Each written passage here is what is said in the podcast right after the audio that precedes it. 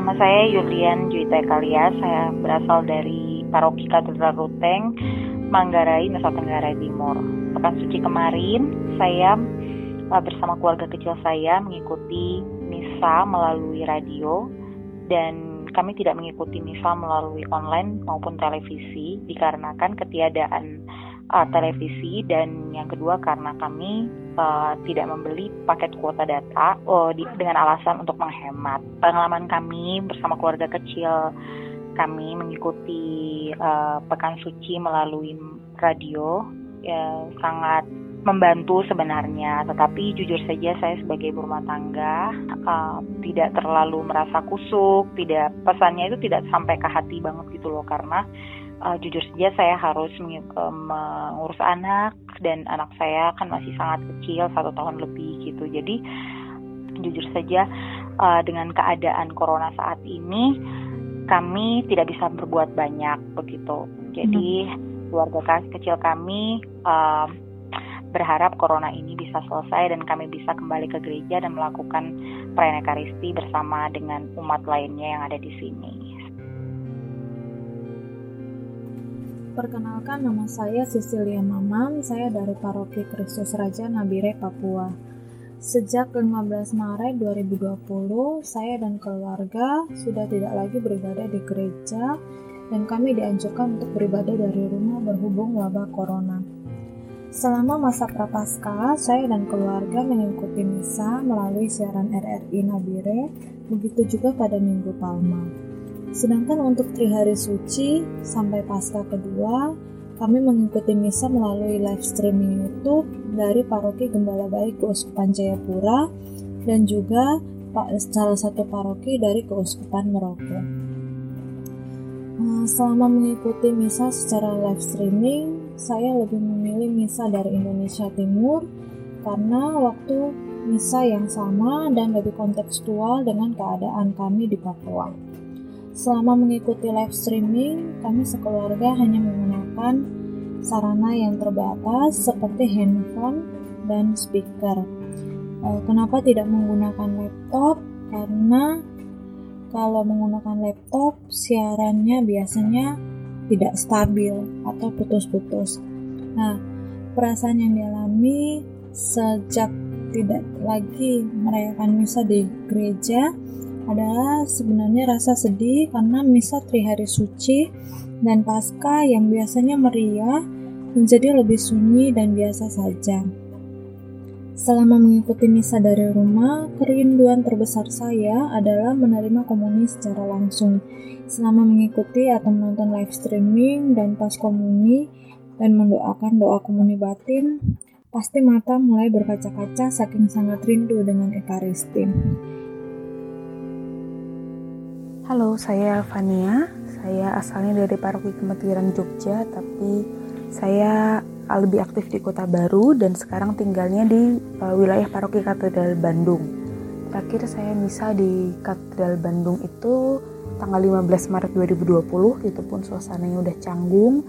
Uh, biasanya saya seksi sibuk dari zaman kecil lah, uh, kayak pas Paskah itu selama Paskah itu gereja itu adalah rumah pertama gitu rumah itu adalah rumah kedua justru.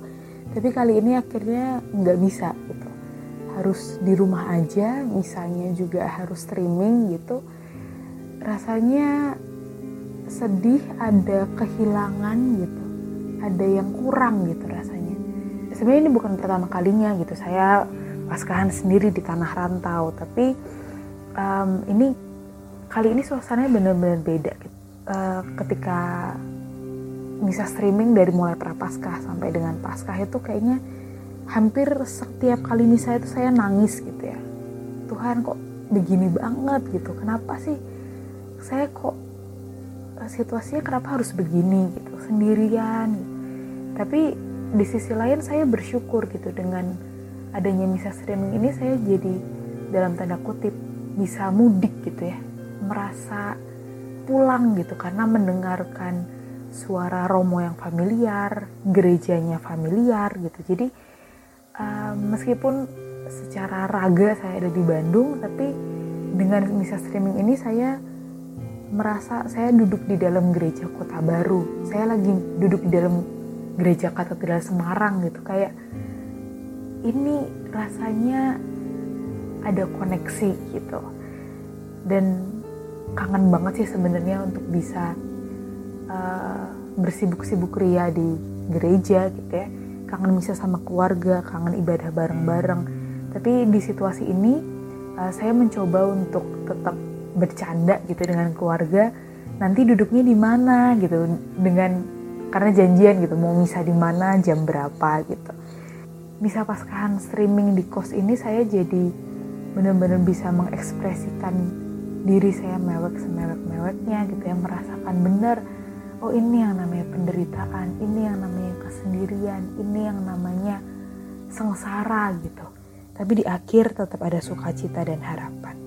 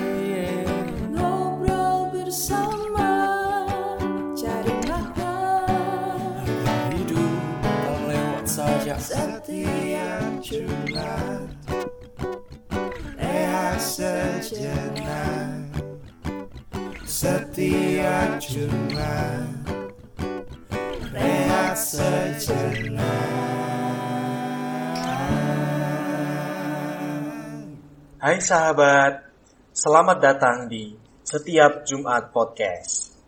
Apa kabar semua? Semoga baik dan sehat semua ya. Wah, nggak kerasa nih, kita udah berapa minggu menjalankan karantina mandiri, atau kerja mandiri, atau belajar di rumah. Ah, bahkan mungkin kita udah beberapa minggu nih, kita mengikuti misa secara online gitu ya. Nah, dalam podcast kali ini, saya, Frater Thomas, akan ditemani oleh Monik. Halo Monik, apa kabar? Halo Frater Thomas, kabar baik. Halo sahabat setiap Jumat. Semoga keadaannya semua juga sehat-sehat aja ya. Oh iya, kami tuh saat ini nggak sendirian loh. Kami juga ditemani oleh Romo Melki dan Jennifer Odelia. Halo Romo Melki. Halo. Gimana kabarnya? Kabar baik. Boleh sedikit memperkenalkan diri Romo? Boleh, saya Romo Melki, saya menjalani tugas uh, perutusan di Paroki Santa Teresia Bongsari sejak tahun 2018. Jadi saat ini saya membantu di Paroki Santa Teresia Bongsari. Gitu saja. Oh, Bong Bongsari itu di mana ya, Mo? Oh, Bongsari di Semarang. Oh ya. di Semarang. Baik, jadi Romo di Semarang ya? Di Semarang. Nah, selain Romo Melki juga ada Jennifer Odelia ya, seperti yang aku sebutin tadi. Halo Jennifer. Halo. Gimana kabarnya? Kabarnya luar biasa. Asik. Oke, Jennifer boleh kenalan dulu sebentar memperkenalkan diri. Ya, halo, saya Jennifer Odelia. Saya berasal dari Hati Santa Perawan Maria Tak Bernoda di Tangerang. Sekarang lagi oh. jadi mahasiswi semester 8, lagi kerjain tugas akhir. Oh, masih mahasiswi ya, lagi iya. kerjain tugas akhir. Oke. Okay. Terima kasih perkenalannya Jennifer. Terima kasih Jennifer dan Romo Melki. Tadi ini udah disebutin ya, iya. Romo Melki ada di Semarang, Jennifer okay. ada di Tangerang. Terus iya nih. Aku sama Frater Thomas nih sebenarnya ada di Jakarta ya kita ya. Iya kita di rumah masing-masing.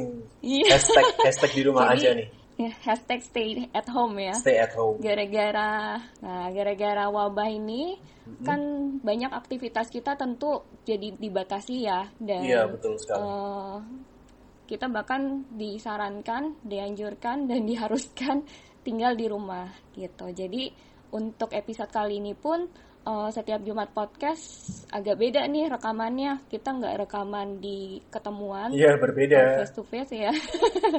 Ketemuannya juga online, rekamannya juga online. Makanya kita bisa ngundang uh, ajak bincang-bincang uh, Romo Melki yang ada di Semarang dan Jennifer yang di Tangerang. Di Semarang. Gitu. Oke. Okay. Nah, sekarang uh, kesibukan Romo Melki sebagai Romo Paroki di Paroki Bongsari apa sih, Mu? Kalau kesibukannya sekarang sih ya akhir-akhir uh, ini tuh banyak mempersiapkan misa live streaming ya. Okay. Misa live streaming. Jadi kita kan memang juga baru mulai ketika pekan suci kemarin. Bukan pekan suci sih, tri hari suci. Tri okay. hari suci itu kita baru mulai. Lalu juga trialnya juga di minggu itu. Lalu setelah itu lalu kita mulai misa live streaming. Nah setelah itu kita evaluasi apakah mau lanjut atau enggak. Nah ternyata dalam evaluasi diputuskan bahwa kita lanjutkan. Oke. Okay. Nah, oh, maka setelah itu kita lanjutkan dan uh, hmm. minggu kemarin itu yang pertama lagi setelah tri hari suci. Oke. Okay. Oh, itu setiap hari live streaming ya? Enggak, jadi hari Minggu kalau misal harian itu cuma Selasa dan Jumat. Oh, okay, jadi tiga kali dalam seminggu ya? Iya, uh, karena memang kan juga oh, ya. SDM kita kan juga baru dan baru belajar ya, baru belajar dan tidak yeah. banyak, hmm. jadi juga menyesuaikan itu juga menyesuaikan SDM-nya. Oke, terima kasih Romo. Nah, ya. kalau Jennifer, apa nih kesibukannya selama pembatasan sosial berskala besar di Tangerang nih? Kalau dari aku sih kesibukannya tetap sama aja dari sebelum-sebelumnya, seperti hmm. ngerjain tugas akhir, nyanyi, okay. lalu hal baru yang sekarang aku temuin tuh adalah selalu berusaha keluar dari zona nyaman. Kayak yang biasanya makan di luar, sekarang jadi belajar masak terus okay. di rumah gitu. Udah jago masak nih berarti ya sekarang? Aduh, enggak juga lah, karena kemarin juga baru beli rice cooker. Jadi selama oh. sebelum corona ini nggak pernah tuh yang namanya masak, nggak pernah punya rice cooker, kulkas terutama. Sekarang jadi punya semuanya. Iya. jadi memang memang anu ya, memang wabah COVID-19 ini sangat mempengaruhi ritme harian kita gitu ya. Sekolah yeah. di rumah, kerja di rumah, sebagai mahasiswi kuliah online.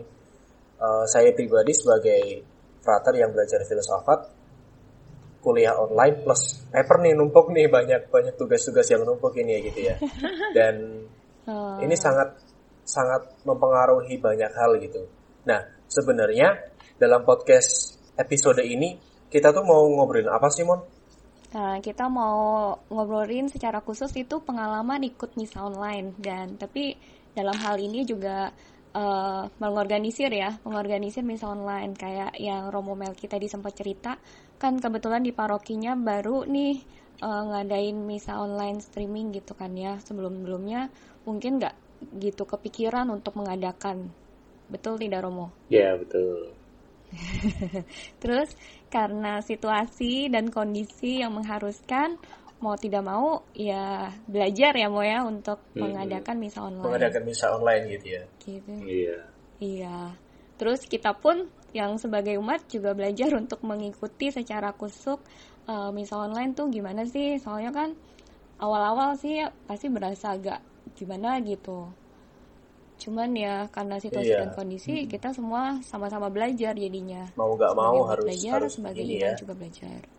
Mm -mm gitu ada new normal ya normal yang baru gitu sih kurang lebih itu yang akan kita bahas di episode kali ini ya oke jadi memang episode 7 ini kita akan bareng-bareng ngobrol tentang misa online gitu ya pengalaman-pengalaman yeah. kita sebagai umat dan sebagai religius dalam mengikuti dan mengorganisir misa online aku mau tanya dulu nih ke Jennifer gimana pengalamannya uh, katanya kamu sempat mengadakan ini ya, mengatur misa online selama ini. Iya. Ya, kemarin memang sempat ngadain misa online di Instagram pribadi, tapi kolaborasi okay. sama Romo, yeah. ya kan nggak mungkin aku yang misa ya gitu. iya. ya, jadi waktu itu akhirnya sama Romo Surya Awangga SJ, kami saling tiktok uh. tektokan gitu. Oh, tarik tiktok. Ya tektokan ya. Beliau jadi beliau jadi imam, lalu aku juga jadi petugas liturgi. Merangkap hampir semuanya tuh kayak lektor, komentator, pemasmur. Jadi intinya tuh mau menghadirkan selengkap-lengkapnya yang ada di misa biasanya gitu. karena itu pengalaman pertama aku ngadain misa online juga kemudian pertama kalinya aku jadi lektor komentator ngatur semuanya bi bikin kata-katanya juga jadinya ya banyak banget kekurangan di sana sini kayak sinyal yang terbatas sempat juga hilang konsen pas misa dari umatnya juga sempat hilang konsen juga karena kan kita cuma bergantung pada sinyal doang ya tapi ya namanya juga proses Hmm. adaptasi ya kita mau nggak mau kita mesti mengikuti semuanya dari dalam rumah Iya sih. Apa yang mendorong kamu untuk eh, mau mengor- mengkoordinir misa online itu ya? Padahal kan harus banyak belajar juga tuh. Terus apa-apa jadi kamu semua yang ini. Ya kemarin kan waktu itu lagi ini ya lagi proses peralihan dari yang biasanya jadi WFH semua ya itu ya. Terus waktu itu juga belum terlalu galak tuh eh, pray from home-nya. ya. ya dari pemerintah lalu dari kuskupan juga masih apa masih acak adut gitu di mana mana ada yang dari udah ngejalanin misa online ada juga yang belum. Tapi di Instagram tuh belum ada waktu itu. Jadinya ya udah aku aku bantunya lewat Instagram deh gitu Oh, jadi kamu live Instagram nih ya? Iya, yang lain kan di YouTube. itu ya. Heeh, yang lain kan di YouTube, tapi Oh. aku di Instagram. Tapi akhirnya Ternyata- cuma sekali doang, karena kita cuma depends on sinyal kan. Dan kalau di Instagram itu Ah. ternyata sinyalku juga sering jelek kalau misalnya lagi kolaborasi sama orang. Jadinya ya udah deh, akhirnya memutuskan untuk tidak lanjut lagi biar yang lain pada ikutnya dari YouTube aja gitu. Oke. Oh. Nah, kalau Romo Melki gimana nih pertama kali mengorganisir lewat Komsos ya? Iya. online-nya itu. Komsos Mm-mm. Paroki. Iya, Boleh diceritakan Mo. sedikit Gimana Romo, ceritanya nih, Mo? boleh. Jadi eh, pertama kali itu kan di keuskupan sendiri itu sudah ada beberapa paroki. Komsos keuskupan juga sudah mengadakan. Lalu beberapa paroki juga mengadakan, tetapi kami sendiri merasa tidak perlu awal-awal itu merasa tidak perlu untuk mengadakan supaya umatnya tidak bingung gitu ya.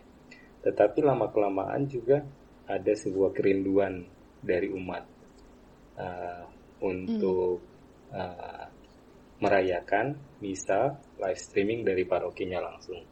Maka pertama-tama Hmm. misa live streaming yang terjadi di paroki Bongsari itu berangkat dari uh, adanya konektivitas atau keterhubungan teritori umat dengan gerejanya, dengan parokinya. Hmm. Maka yang menonton streaming kami selama Tri Hari Suci juga jumlah follow- eh, jumlah viewersnya itu juga eh, hampir selalu kurang lebih sama ya, 500-an gitu. Oh. 500-an viewersnya. Ya mungkin satu keluarga berapa ditonton, mungkin berapa orang gitu ya. Jadi jumlahnya tidak eh, tidak pernah turun dari angka itu. Jadi eh, sekitar angka 500-an itu terus selama Tri Hari Suci. Maka jumlah ini menunjukkan bahwa kebanyakan penonton memang adalah umat paroki kita Iya. umat paroki kita. Maka ketika diumumkan pun Oh. bahwa paroki akan mengadakan streaming sendiri, mereka juga dengan sangat antusias dan gembira menyambutnya. Gitu. Jadi ini juga Oh. pengalaman baru banget sih buat kita. Kan tidak pernah uh, live YouTube, belum pernah kan streaming, belum pernah. Maka kemarin alat-alatnya Oh. itu pun juga sebagian itu rental Oke. Oh. itu. Tapi setelah setelah kemarin Tri Hari Suci ada orang yang menyumbang, lalu sumbangannya Oh, ya, ada itu orang kita pakai, ya.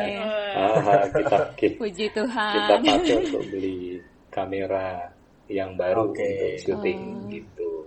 Kayak gitu. Oh, jadi ceritanya. sekarang bahkan udah sampai punya perlengkapan khusus untuk misal streamingnya ya? sudah sudah sudah punya sendiri sekarang. Oh, iya. Dan berarti misa online itu pertama-tama ada di paroki Bongsari justru karena permintaan umat Iya, ya? ah, ah, lebih karena kerinduan umat ya. Dan memang eh, pengalaman ini sungguh sungguh sangat menyentuh begitu ya. Kita tadi di awal podcast sudah mendengarkan tiga cerita dari teman-teman awam yang mereka ceritanya sangat variatif gitu ya. Dalam cerita kita dengar gitu ya, ada teman-teman kita yang dari luar Jawa, mereka tuh kesulitan gitu untuk mengikuti misa online. Ada yang karena kesulitan kuota, karena kesulitan mencari apa channel YouTube-nya mana sih gitu ya. Um, Dan Hmm. sebenarnya ini hal yang sangat sangat uh, memprihatinkan begitu. Karena di satu sisi umat umat umat itu memiliki kerinduan yang besar untuk mengikuti ekaristi, tetapi uh, ada keterbatasan akses. Ya ini mem kendala, kendala teknis, teknis ya. segala macam begitu ya. Dan memang sangat menarik apa yang diceritakan dari pengalaman Jennifer dan Ramo Melki, bagaimana mereka mengikuti dan mengorganisir misa online begitu ya. Dari sebelumnya yang tidak bisa menggunakan teknologi untuk live streaming, jadi sekarang tahu dan mengenal gimana gitu ya uh, cara-cara hmm. untuk bisa live streaming segala macam. Nah, sebenarnya menurut Jennifer dan Romo Melki, apa sih yang dirindukan umat kita gitu? Karena umat tuh tidak bisa merayakan lagi misa bersama di gereja. Coba Romo dari Romo Melki dulu deh. Kalau Romo Melki mungkin bisa jawab juga pertanyaan kalau dari hmm. Romo sendiri apa yang Romo rindukan ya? Iya, hmm. betul gimana rasanya misa online tapi sebenarnya kan di depan gak ada umat yeah. gitu kan ya uh, iya uh, itu gimana perasaannya mau yeah. uh, gini uh, perasaannya yang yang pertama yang pertama-tama itu yang dirindukan itu tentu perjumpaan perjumpaan dengan umat langsung uh, bagaimanapun berbicara secara langsung di depan umat itu jauh berbeda dengan berbicara di depan kamera begitu ya. Tetapi karena tadi itu karena ada sebuah kerinduan mendalam dari umat uh, untuk mendengarkan streaming langsung dari parokinya, maka uh, mungkin juga sudah terbayang-bayang di di apa ya di pikiran itu bahwa ini sementara didengarkan umat yang begitu rindu untuk datang ke gereja. Maka saya pun juga perlu mempersiapkan jauh lebih baik untuk menanggapi kerinduan terdalam umat hmm. yang mau datang. Itu yang pertama. Lalu yang kedua, hmm. saya kira tidak ada yang berubah dalam arti sakramen ekaristi itu ter, eh, sendiri tetap terjadi, tetap terlaksana di sana. Mau okay. streaming, mau tidak streaming, itu tetap terjadi. Saya melihat bahwa ada kerinduan mendalam untuk menyambut tubuh Kristus. Lebih lebih ke situ mungkin ya. Kerinduan batin hmm untuk uh, menyambut tubuh Kristus. Mengapa? Karena mm-hmm. sadar atau tidak, yang disambut ketika komuni kudus itu sungguh-sungguh tubuh Kristus, sungguh-sungguh makanan bagi jiwa. Ketika konsekrasi, roti dan anggur yang tampak secara indrawi kita itu sungguh-sungguh berubah substansinya menjadi okay. substansi tubuh dan darah Kristus. Iya. Walaupun yang tampak secara indera kita itu adalah kualitas tertentu dari roti dan anggur itu ya. Tetapi dengan adanya iya. tindakan yeah. konsekrasi itu, di dalamnya itu terdapat realitas inti yang baru. Nah, realitas inti yang baru itu adalah tubuh dan darah Kristus. Nah, saya hmm. kemudian merasa bahwa itulah mungkin mengapa orang begitu merindukan menyambut tubuh Kristus. Karena dialami bahwa tubuh Kristus itu memberikan kekuatan dan ketahanan bagi jiwanya. Oke. Okay. Itu mungkin ya. Kalau hmm. yang lain-lain sih kalau karena mungkin kekasan Bung Sari hmm. memang umatnya aktif, umatnya sangat aktif jadi hampir setiap hari gereja selalu rame. Uh, mungkin seminggu cuman dalam seminggu itu mungkin cuma satu hari yang gerejanya agak agak kosong ya. Selalunya itu hampir selalu ramai. Jadi mungkin bagi umat juga adalah uh, perjumpaan di antara mereka mungkin ya. Aduh, terima kasih Romo Melki. Hmm. Ini jawabannya jadi ikutan terharu. Jawabannya adem banget gitu ya. Bagaimana uh, Romo Melki sebagai Romo Paroki merefleksikan kerinduan umat gitu. Nah, lalu kalau Jennifer sendiri nih, Jennifer sebagai umat gitu. Umat yang barangkali umat juga beberapa kali tugas di gereja sebagai para apa pemasmur. Gimana sih Jen kamu kerinduan kamu terhadap Ekaristi itu apa gitu? Kalau dari aku sendiri, yang hmm. paling utama yang aku rindukan itu adalah untuk bertemu Tuhan secara langsung lewat sakramen Maha Kudus di ruang adorasi. Jadi okay. biasanya tuh aku sering ke ruang adorasi untuk sekedar diam-diam doang atau enggak cerita-cerita di sana sama Tuhan ya, bukan sama. Oke. Lalu juga perjumpaan sama orang-orang di gereja yang cerita-cerita mereka, pengalaman mereka yang bikin kita semakin dewasa dalam tutur kata, perilaku hingga iman. Lalu okay. yang terakhir itu saat menyambut tubuh Kristus juga itu membuat perayaan Ekaristi jadi sangat rindu gitu. Memang uh, entah dari umat ataupun dari promo paroki sama-sama merasakan kerinduan gitu. Umat yang selama ini secara langsung menerima tubuh harus menerima secara spiritual dengan dengan dibatinkan. Iya. Tapi benar sih memang Iya. apa yang diceritakan oleh Romo Melki tadi ya, bahwa ketika misa online, ketika tidak berjumpa di gereja, justru dirindukan gitu, makin apa semakin bermakna begitu ya. Memang sangat menarik. Iya, jadi timbul timbul kesadaran bahwa oh iya ya ternyata tubuh dan darah Kristus itu sungguh memberikan kekuatan gitu ya. Dan Iya. itu baru bisa kita alami setelah kita terpaksa tidak bisa menerimanya secara langsung. betul banget tuh. Aku mau nanya lagi dong, dari semua pengalaman ikut misa online selama ini, kurang lebih udah hampir sebulan ya kita. Itu Romo dan Jennifer bisa memetik rahmat apa ya dari pengalaman-pengalaman itu? Iya. Coba Romo Melki dulu deh, gimana Romo? Oke, saya yang pertama. Mm-mm. Eh, misa misa live streaming ini memberi arti baru bagi mak- makna berkomunitas. Kalau gereja itu kan biasanya disebut sebagai komunitas orang beriman. Nah, berkomunitas di sini itu tidak lagi semata-mata dipahami dalam arti tradisional misalnya kehadiran fisik, orang berkumpul dan hadir secara fisik untuk merayakan iman. Tetapi berkomunitas melalui misa live streaming ini itu adalah keterhubungan yang terjalin lewat streaming itu dan keterhubungan orang-orang yang punya iman yang sama yang punya Oke. kerinduan untuk menjalin intimitas dengan yang ilahi lewat sakramen ekaristi walaupun lewat streaming. Maka yang pertama uh, saya kemudian memahami bahwa misa live streaming ini memberi arti baru bagi makna berkomunitas, bagi makna komunitas orang beriman itu sendiri yang dipahami eh, dalam arti tertentu sebagai eh, gereja itu sendiri ya. Itu yang pertama. Lalu yang kedua, rahmat yang secara pribadi mungkin juga uh, saya uh, dapat itu uh, ini saya diajak untuk berpikir kreatif. Jadi tidak mandek ya. Jadi ada pandemi Oke. ini, lalu apa yang bisa kemudian dilakukan uh, untuk uh, melayani kebutuhan spiritual umat? Ya, Hmm. jadi uh, kreativitas itulah salah satunya yang tertuang dengan mengadakan misa live streaming ini. Oke, terima kasih Romo Melki. Jennifer, gimana sekarang? Ya, Rahmat apa yang kamu dapat? kalau dari aku pengalaman ini membuat aku sebagai umat itu mendapatkan pengalaman yang luar biasa ya karena Tuhan tuh tetap hadir mengisi kerinduan hati kita berjumpa dengannya melalui teknologi yang sekarang dapat dengan mudah kita akses kayak YouTube, Instagram dan segala macam. Mm-mm. Kemudian, hal ini juga semakin memurnikan motivasi kita sendiri saat mengikuti misa online dari rumah. Yang mungkin sebelumnya biasa kalau kita ke gereja itu ada motivasi-motivasi tertentu. Entah lihat romonya, atau enggak ketemu doi, atau enggak Iya. ya mau ngapain Iya. gitu kan biasanya kan. Tapi dengan misa online ini kita kan jadinya sendiri-sendiri di rumah ya dan motivasi itu Betul. semakin dimurnikan Mm-mm. bahwa sebenarnya dari motivasi-motivasi tertentu itu ada satu kerinduan yang paling dalam yang tentunya sedang dirindukan oleh semua umat saat ini juga sama romo-romonya juga ya yaitu berelasi atau semakin mendekatkan diri dengan Allah Tapi tetap mandi kan sebelum Ya. misa? mandi ya tuh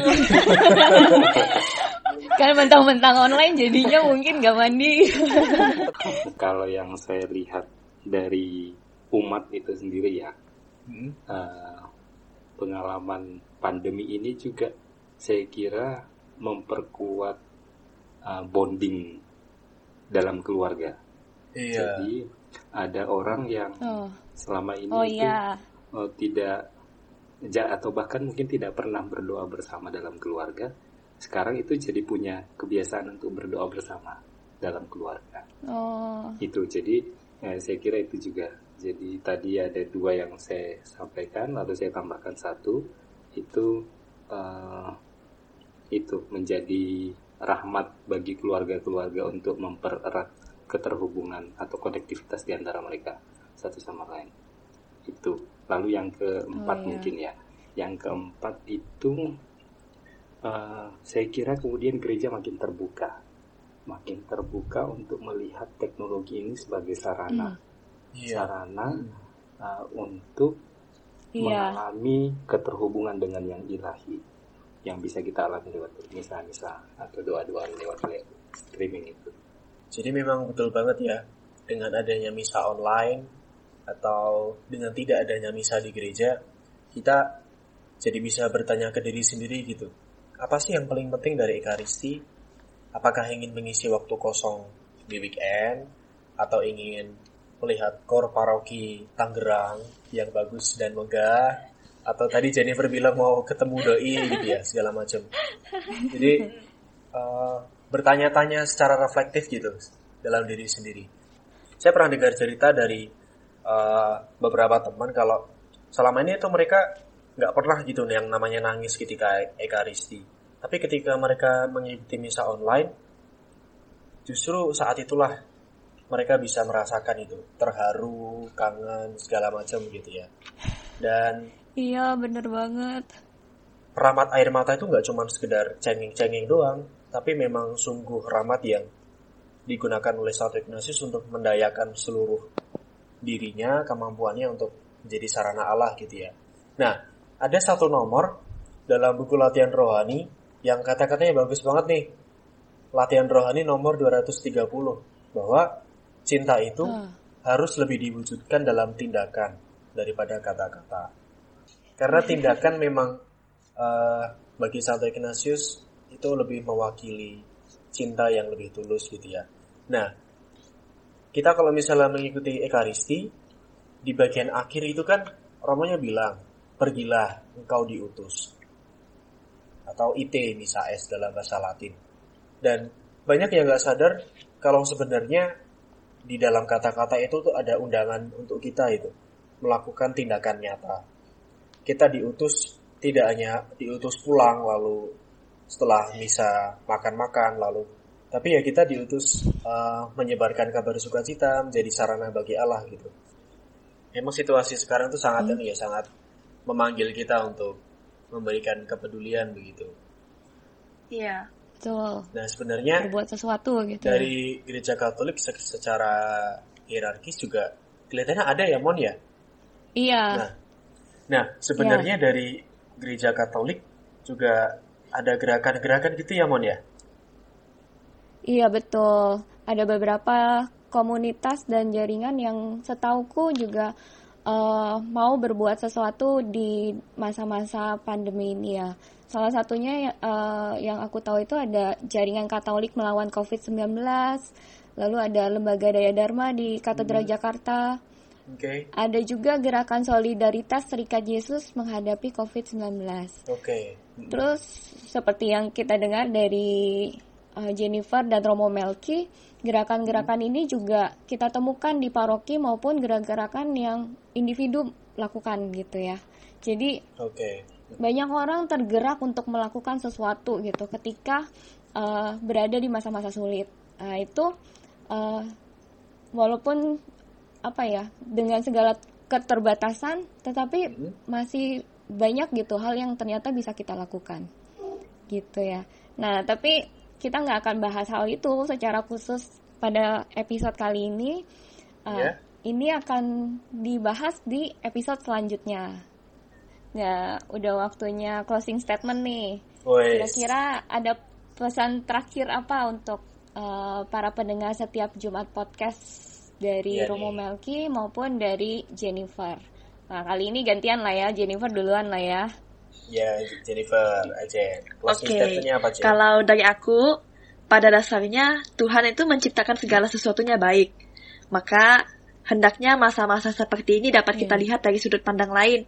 Misalnya, kayak kebosanan yang mungkin sebagian dari kita banyak yang mengalaminya sekarang, itu dipakai untuk semakin mengenal diri sendiri tuh, semakin dalam berrelasi dengan Tuhan, tidak hanya melalui misa online, dan juga kita sama-sama memberikan aksi nyata yang tidak hanya berupa material, namun juga moral, dengan saling menghibur, saling menguatkan satu sama lain dengan cara yang kita bisa.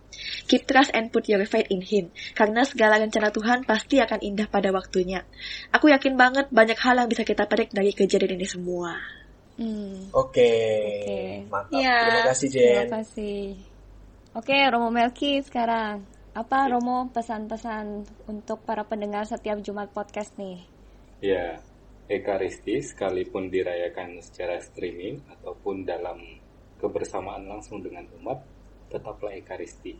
Jadi tidak mengurangi uh, satu dua unsur di sana. Di sana tetap terjadi perubahan substansi tubuh dan darah Kristus. Dan yang disambut dan dirayakan hmm. di sana adalah Kristus yang wafat dan bangkit. Dirayakan secara streaming ataupun dalam kebersamaan kita mendapatkan kekuatan bagi jiwa kita, khususnya di tengah pandemi COVID-19 ini.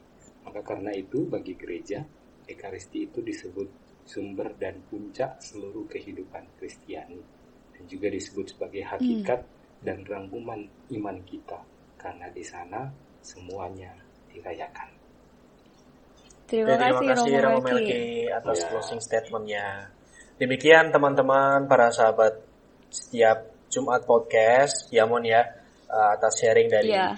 Jennifer dan Romo Melki gitu. Kita sangat terinspirasi sekali gitu ya bagaimana uh, pendapat-pendapat mereka dan apa yang kita dengarkan, apa yang kita sharingkan selama perbincangan ini sungguh membuat kita terus bertanya-tanya dalam diri gitu. Lalu apa sih makna ekaristi selama ini yang aku alami gitu? Dalam iya. dalam banyak sharing keluarga tuh mereka terus terus mengatakan nanti ya kita setelah setelah corona kita rekreasi. Nanti setelah corona kita makan-makan. Nanti setelah corona kita pergi ke pantai bareng-bareng. Jadi ada harapan yang ditempatkan dalam suatu masa itu dan itu terjadi di masa depan maka pesan dari setiap Jumat podcast supaya kita semua suatu saat harapan-harapan yang kita tempatkan di masa depan setelah corona bertemu umat di gereja, ikut latihan kor lagi, masmur lagi, misa dengan umat lagi itu supaya tercapai, maka marilah kita betul-betul menaati aturan pemerintah begitu ya. Kalau misalkan yeah. kita tidak boleh berkumpul ya jangan berkumpul, kalau tidak boleh keluar rumah ya sebisa mungkin jangan keluar rumah selain untuk menyelamatkan diri sendiri, kita juga menyelamatkan orang lain dan kita meringankan tugas-tugas dari para tenaga medis yang mereka bekerja setiap hari dengan keras begitu sebagai uh, garda terdepan di area perang bersama COVID-19. Corona. Gitu ya Mon ya? Iya, betul sekali. Uh, terima kasih untuk para sahabat yang sudah setia mendengarkan setiap Jumat Podcast. Sampai jumpa dan jangan lupa untuk pantengin Instagram kami hanya di at setiap Jumat Podcast. Dan ikuti juga Instagram dari Jennifer Odelia di at Jennifer Odelia dan juga Romo Melki di Boni Melki. Dan jangan lupa untuk rehat sejenak. sejenak. Terima kasih. Sampai Terima jumpa. Kasih.